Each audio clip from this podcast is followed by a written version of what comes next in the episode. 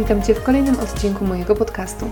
Mam na imię Martyna, a temat na dziś to zazdrość. Nie wiem, czy pamiętasz, ale w zeszłym roku nagrałam odcinek o prokrastynacji. I w tym odcinku stałam się takim trochę adwokatem prokrastynacji, trudne słowo, i chciałam Ci udowodnić w tamtym odcinku, że ona nie zawsze musi być zła. W tamtym odcinku chodziło mi o to, że czasami to, na co naprawdę nie możemy, nie mamy ochoty i do czego nie możemy się zebrać, to może to być jakaś informacja dla nas, że to nie jest coś, czym w ogóle chcemy się zajmować. Tak było w moim przypadku i w przypadku fotografii ślubnej, z którą zawsze miałam problem, żeby się zmusić do tego, żeby um, później obrobić te wszystkie zdjęcia, przejrzeć i tak dalej. I w którymś momencie uznałam, że to po prostu nie jest moja dziedzina fotografii ponieważ y, w przypadku sesji na przykład rodzinnych obrabiałam je po prostu następnego dnia po wykonaniu. Mimo, że proces był dokładnie taki sam, mimo, że dokładnie jest to taka sama praca, to jednak w temacie fotografii rodzinnej czułam mega radość i ochotę, żeby przez te zdjęcia się przekopać, żeby je obrobić, żeby je oddać, a w przypadku ślubów miałam blokadę i nie mogłam się do tego zmusić. I to był dla mnie dowód na to, że może po prostu powinnam przemyśleć to czym się zajmuję tak faktycznie. I dzisiaj chciałabym trochę w takim samym klimacie powiedzieć Ci parę słów właśnie o zazdrości. Ponieważ zazdrość, e, no, my od dzieciństwa jesteśmy właściwie uczeni, że to jest coś bardzo złego. Zielonooki potwór. Tak często ja słyszałam, e, słyszałam takie określenie na zazdrość. E, na religii jesteśmy uczeni, że jest to jeden z grzechów głównych i jest coś takiego, przed czym bardzo przestrzegają nas nasi rodzice Mówią, żeby nie zazdrościć, że to jest coś w ogóle bardzo złego i wyniszczającego. I poniekąd trzeba się z nimi zgodzić. I poniekąd ja się z tym zgadzam, że zazdrość wcale nam nie służy. W jaki sposób konkretnie? Przede wszystkim zazdrość zazwyczaj jest przykrywką dla naszego strachu jeżeli czegoś boimy się zrobić, nie mamy śmiałości, nie mamy odwagi, nie wierzymy w siebie w danym temacie, to ta zazdrość bardzo łatwo wskakuje na to miejsce, przykrywa nasz strach. Można powiedzieć, że jest takim trochę naszym mechanizmem obronnym i ona każe skupić się na sobie. To znaczy, nie patrzymy, nie zastanawiamy się, co pod tą zazdrością się kryje, tylko tracimy energię i, i swoją uwagę i skupienie na tym, żeby zazdrościć, na tych wszystkich negatywnych emocjach, które ona za sobą pociąga, nie dokopując się do tego strachu, który jest pod nią, do strachu, który mógłby nam pokazać, czego pragniemy i, i co chcemy zrobić tak naprawdę. Ponadto zazdrość sprawia, że spoglądamy na świat w bardzo wąski sposób. To jest takie luneto, lun, lunetowe widzenie. O rany, nie mogę się wysłowić dzisiaj. Lunetowe spojrzenie na życie, a mianowicie zazdrość wmawia nam, że nie ma obfitości na świecie i że nie ma różnorodności, że nie ma miejsca dla na przykład artystów. Ja w ogóle o temacie zazdrości um, poczytałam ostatnio właśnie w Drodze Artysty, w książce, którą Zawsze polecam, już polecałam kilka razy i będę polecała przez całe życie, podejrzewam. Uważam, że to jest kapitalna książka dla wszystkich ludzi, którzy gdzieś tam w którymś momencie życia marzyli o sztuce, jakiejkolwiek. I tam właśnie um, autorka Julia Cameron fantastycznie o tej zazdrości pisze.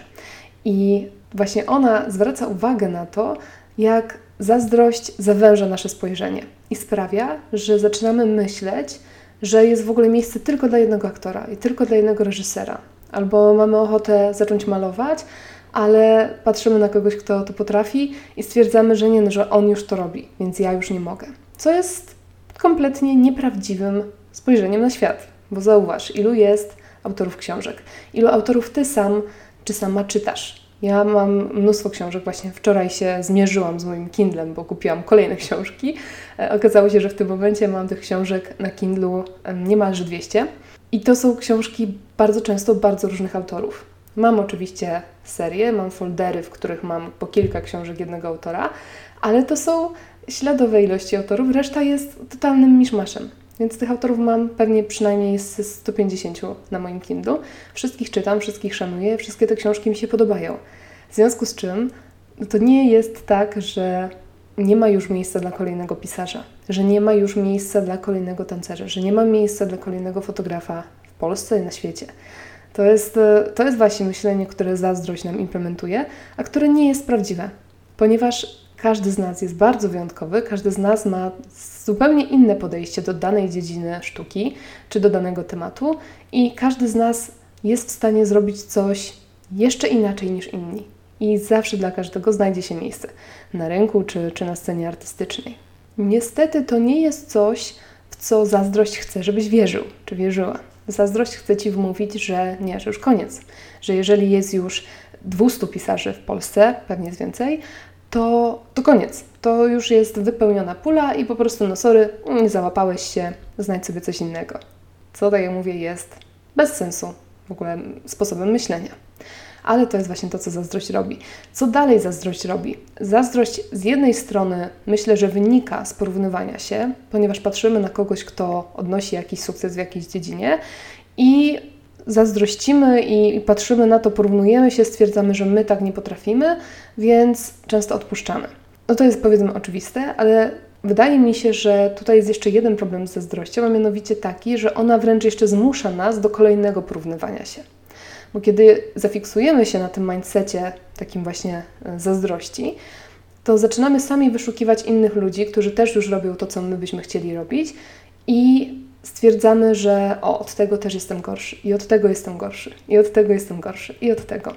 I zaczynamy wręcz wyszukiwać sobie jeszcze więcej twórców w danej dziedzinie, którzy, którym możemy zazdrościć i od których jesteśmy gorsi.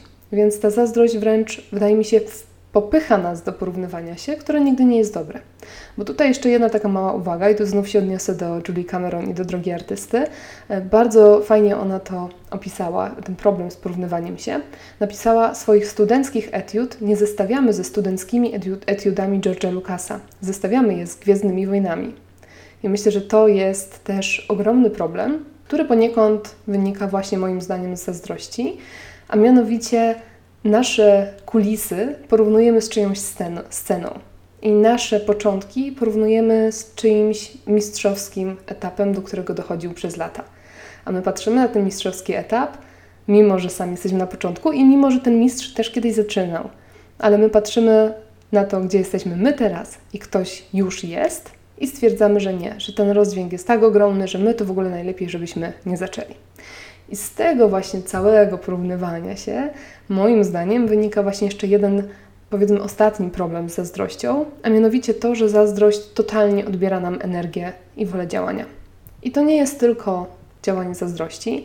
Uważam osobiście, że to jest działanie wszelkich negatywnych emocji, tych o nacechowaniu ujemnym, czyli tych, które gdzieś tam, tak jak smutek, jak gniew, które odbierają nam tą energię. Zauważ, że kiedy jesteś radosny, i czujesz pozytywne emocje o dodatnim znaku, to masz tej energii jeszcze więcej i chce ci się. I jesteś w ogóle nakręcony i więcej, i fajniej, i lepiej. Natomiast w momencie, kiedy zaczynasz odczuwać dużo tych emocji o negatywnym, o ujemnym znaku, cały czas się poprawiam, ale nie chcę mówić pozytywne, negatywne emocje, ponieważ e, każda emocja z punktu widzenia psychologa jest pozytywną, w sensie coś nam daje więc dlatego mówi się o znaku dodatnim ujemnym. I kiedy czujesz te emocje o znaku ujemnym, wtedy tej energii masz mniej i trudniej jest zabrać się za cokolwiek. Dlatego tak, dlatego zgadzam się, że zazdrość nie do końca nam służy i nie do końca jest pozytywna i warto jej poniekąd unikać. Ale no nie byłabym sobą, gdybym tym adwokatem e, się nie stała. I dokładnie tak, jak mówiłam o prokrastynacji, że ona może dawać nam informacje cenne, bardzo cenne i może być naszą przyjaciółką, tak samo uważam, że naszą najbliższą przyjaciółką może stać się zazdrość.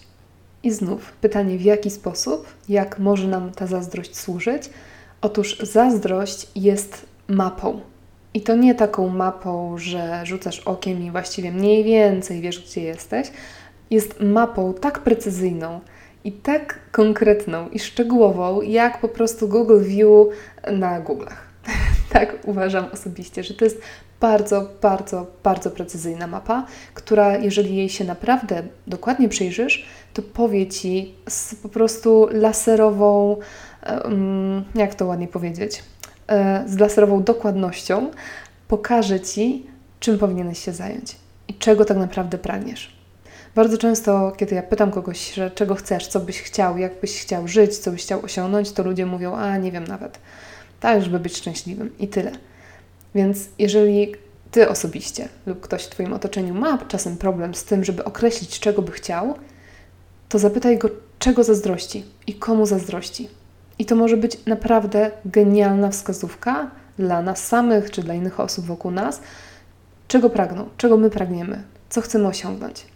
I tu znów muszę się odnieść do Julie Cameron i do drugiej artysty. Bez kitu, przeczytaj tą książkę. Jeżeli tylko te tematy Cię interesują, przeczytaj drogę artysty. E, I w tej książce ona super pisze na własnym przykładzie, że ona na przykład osobiście nigdy nie zazdrościła powieściopisarkom. Nie, po prostu jakby sukcesy powieściopisarek jej nie ruszały.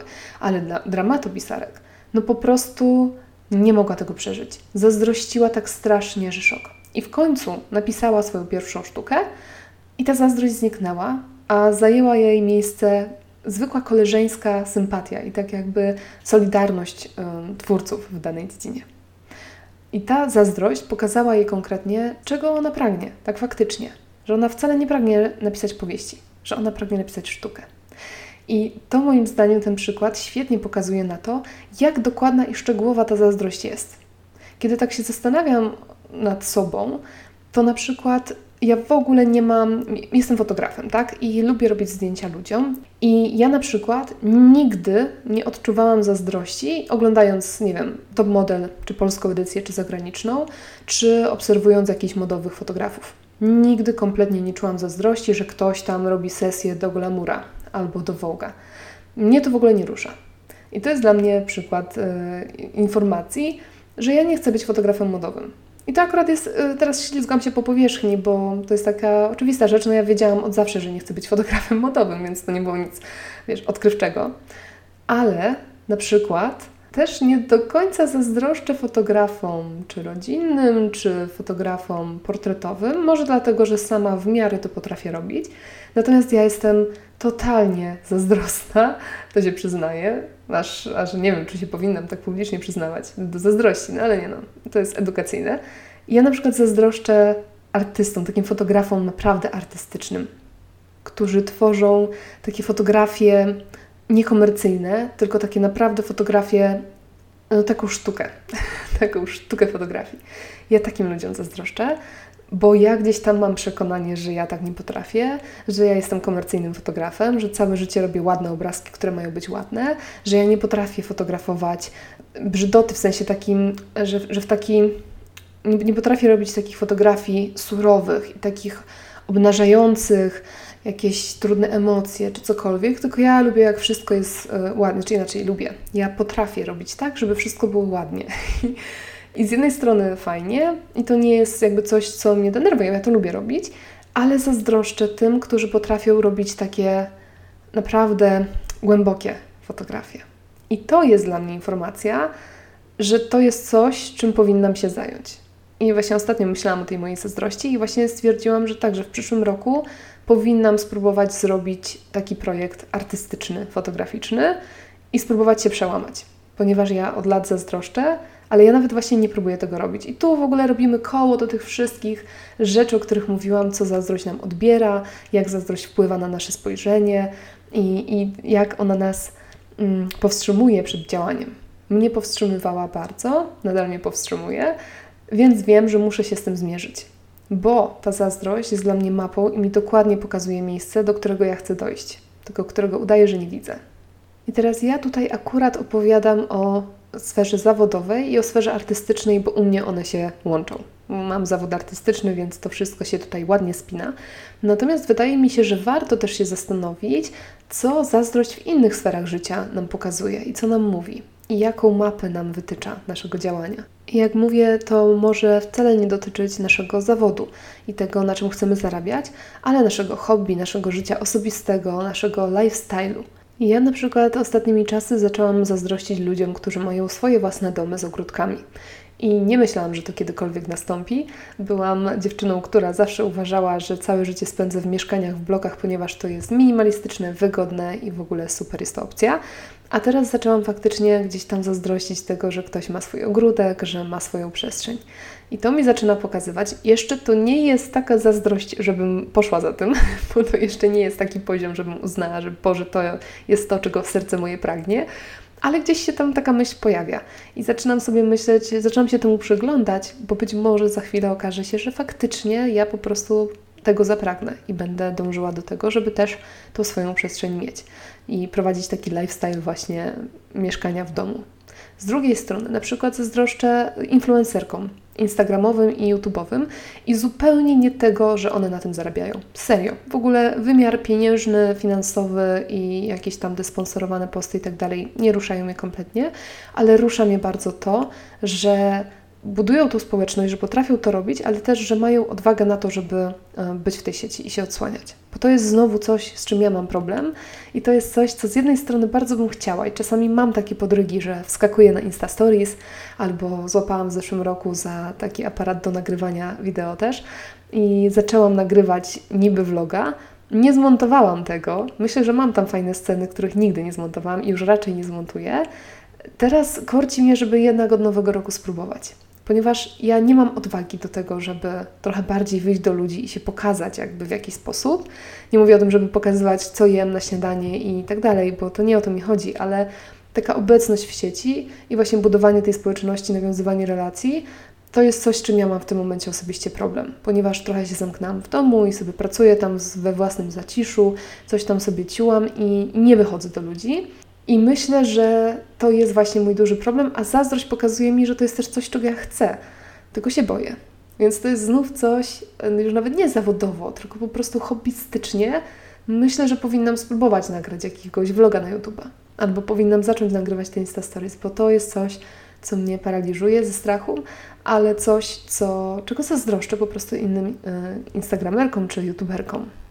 Dobra, i może tyle o moich zazdrościach, bo i tak miałam jeszcze kilka przykładów w głowie, ale naprawdę chyba to nie jest e, rozsądne, żeby tak opowiadać, jakim to jestem zazdrosnym typem. W ogóle wyjdzie na to, że ja nic nie robię całymi dniami, tylko zazdroszczę ludziom.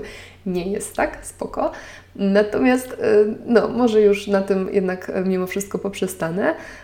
I tak kończąc, bo zresztą już i tak przewaliłam te 15 minut, które zakładałam na odcinek, więc już tak zupełnie kończąc. Chciałabym Cię dzisiaj zapytać, Ciebie konkretnie, czego Ty komuś zazdrościsz? Oczywiście nie musisz mi odpowiadać na to pytanie, w sensie nie musisz pisać, komentować i tak dalej, tylko bardzo Cię zachęcam do tego, żebyś się zmierzył czy zmierzyła z tym pytaniem we własnym zaciszu własnego domu, e, najlepiej na jakiejś kartce papieru.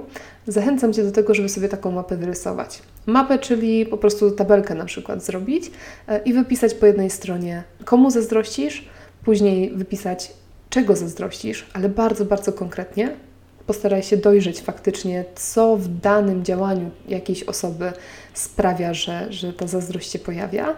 I w końcu wreszcie zastanów się, bardzo Cię gorąco zachęcam do tego, jakie działania możesz podjąć, żeby coś zrobić w tym temacie, żeby może trochę umknąć tej zazdrości i przejść z zazdrości do działania. Bo wierz mi, jedyną drogą z zazdrości permanentnie odczuwanej jest podjęcie działania w danym temacie. Także zostawiam Cię z tym. E, zachęcam Cię bardzo, żeby się z tym zmierzyć, żeby się zastanowić, zwłaszcza teraz, ponieważ e, zbliżamy się do końca e, jednego roku, dzięki Bogu. Przeżyliśmy, daliśmy radę, jesteśmy w grudniu. I za chwilę zaczyna się nowy rok. I ja wiem, że teraz, śmieję się, że już teraz już nikt nie robi planów na ten nowy rok, bo no już, już po prostu każdy się boi robić jakiekolwiek plany na przyszły rok, ale mimo wszystko uważam, że to jest dobry moment do tego, żeby się zastanowić właśnie, przyjrzeć sobie, przyjrzeć swojemu sercu, przyjrzeć swojej zazdrości i spróbować zastanowić się właśnie, czego, się, czego, czego zazdroszczę ludziom, prawdopodobnie czego się boję i być może na nowy rok zrobić sobie taki mały plan, żeby postawić chociaż jeden krok na drodze do tego czegoś, czego pragniemy i czego zazdrościmy i po prostu zobaczyć, co z tego wyniknie, bo mogą wyniknąć naprawdę super rzeczy. Ok, tyle na dziś. Bardzo serdecznie, jak zwykle, dziękuję Ci za wysłuchanie tego odcinka. Zapraszam Cię na kolejny. Nie wiem, kiedy on będzie. E, zamieszanie przedświąteczne już się zaczęło, a ja też w tym roku nie jestem mistrzem konsekwencji i systematyczności, co już wiemy. Niemniej postaram się jeszcze coś nagrać, może jakieś nawet podsumowanie roku tego dziwnego bardzo, albo plan na kolejny. Zobaczymy. Tak czy siak, dziękuję Ci bardzo za dziś. Zapraszam Cię następnym razem. No i co? Do usłyszenia. Cześć.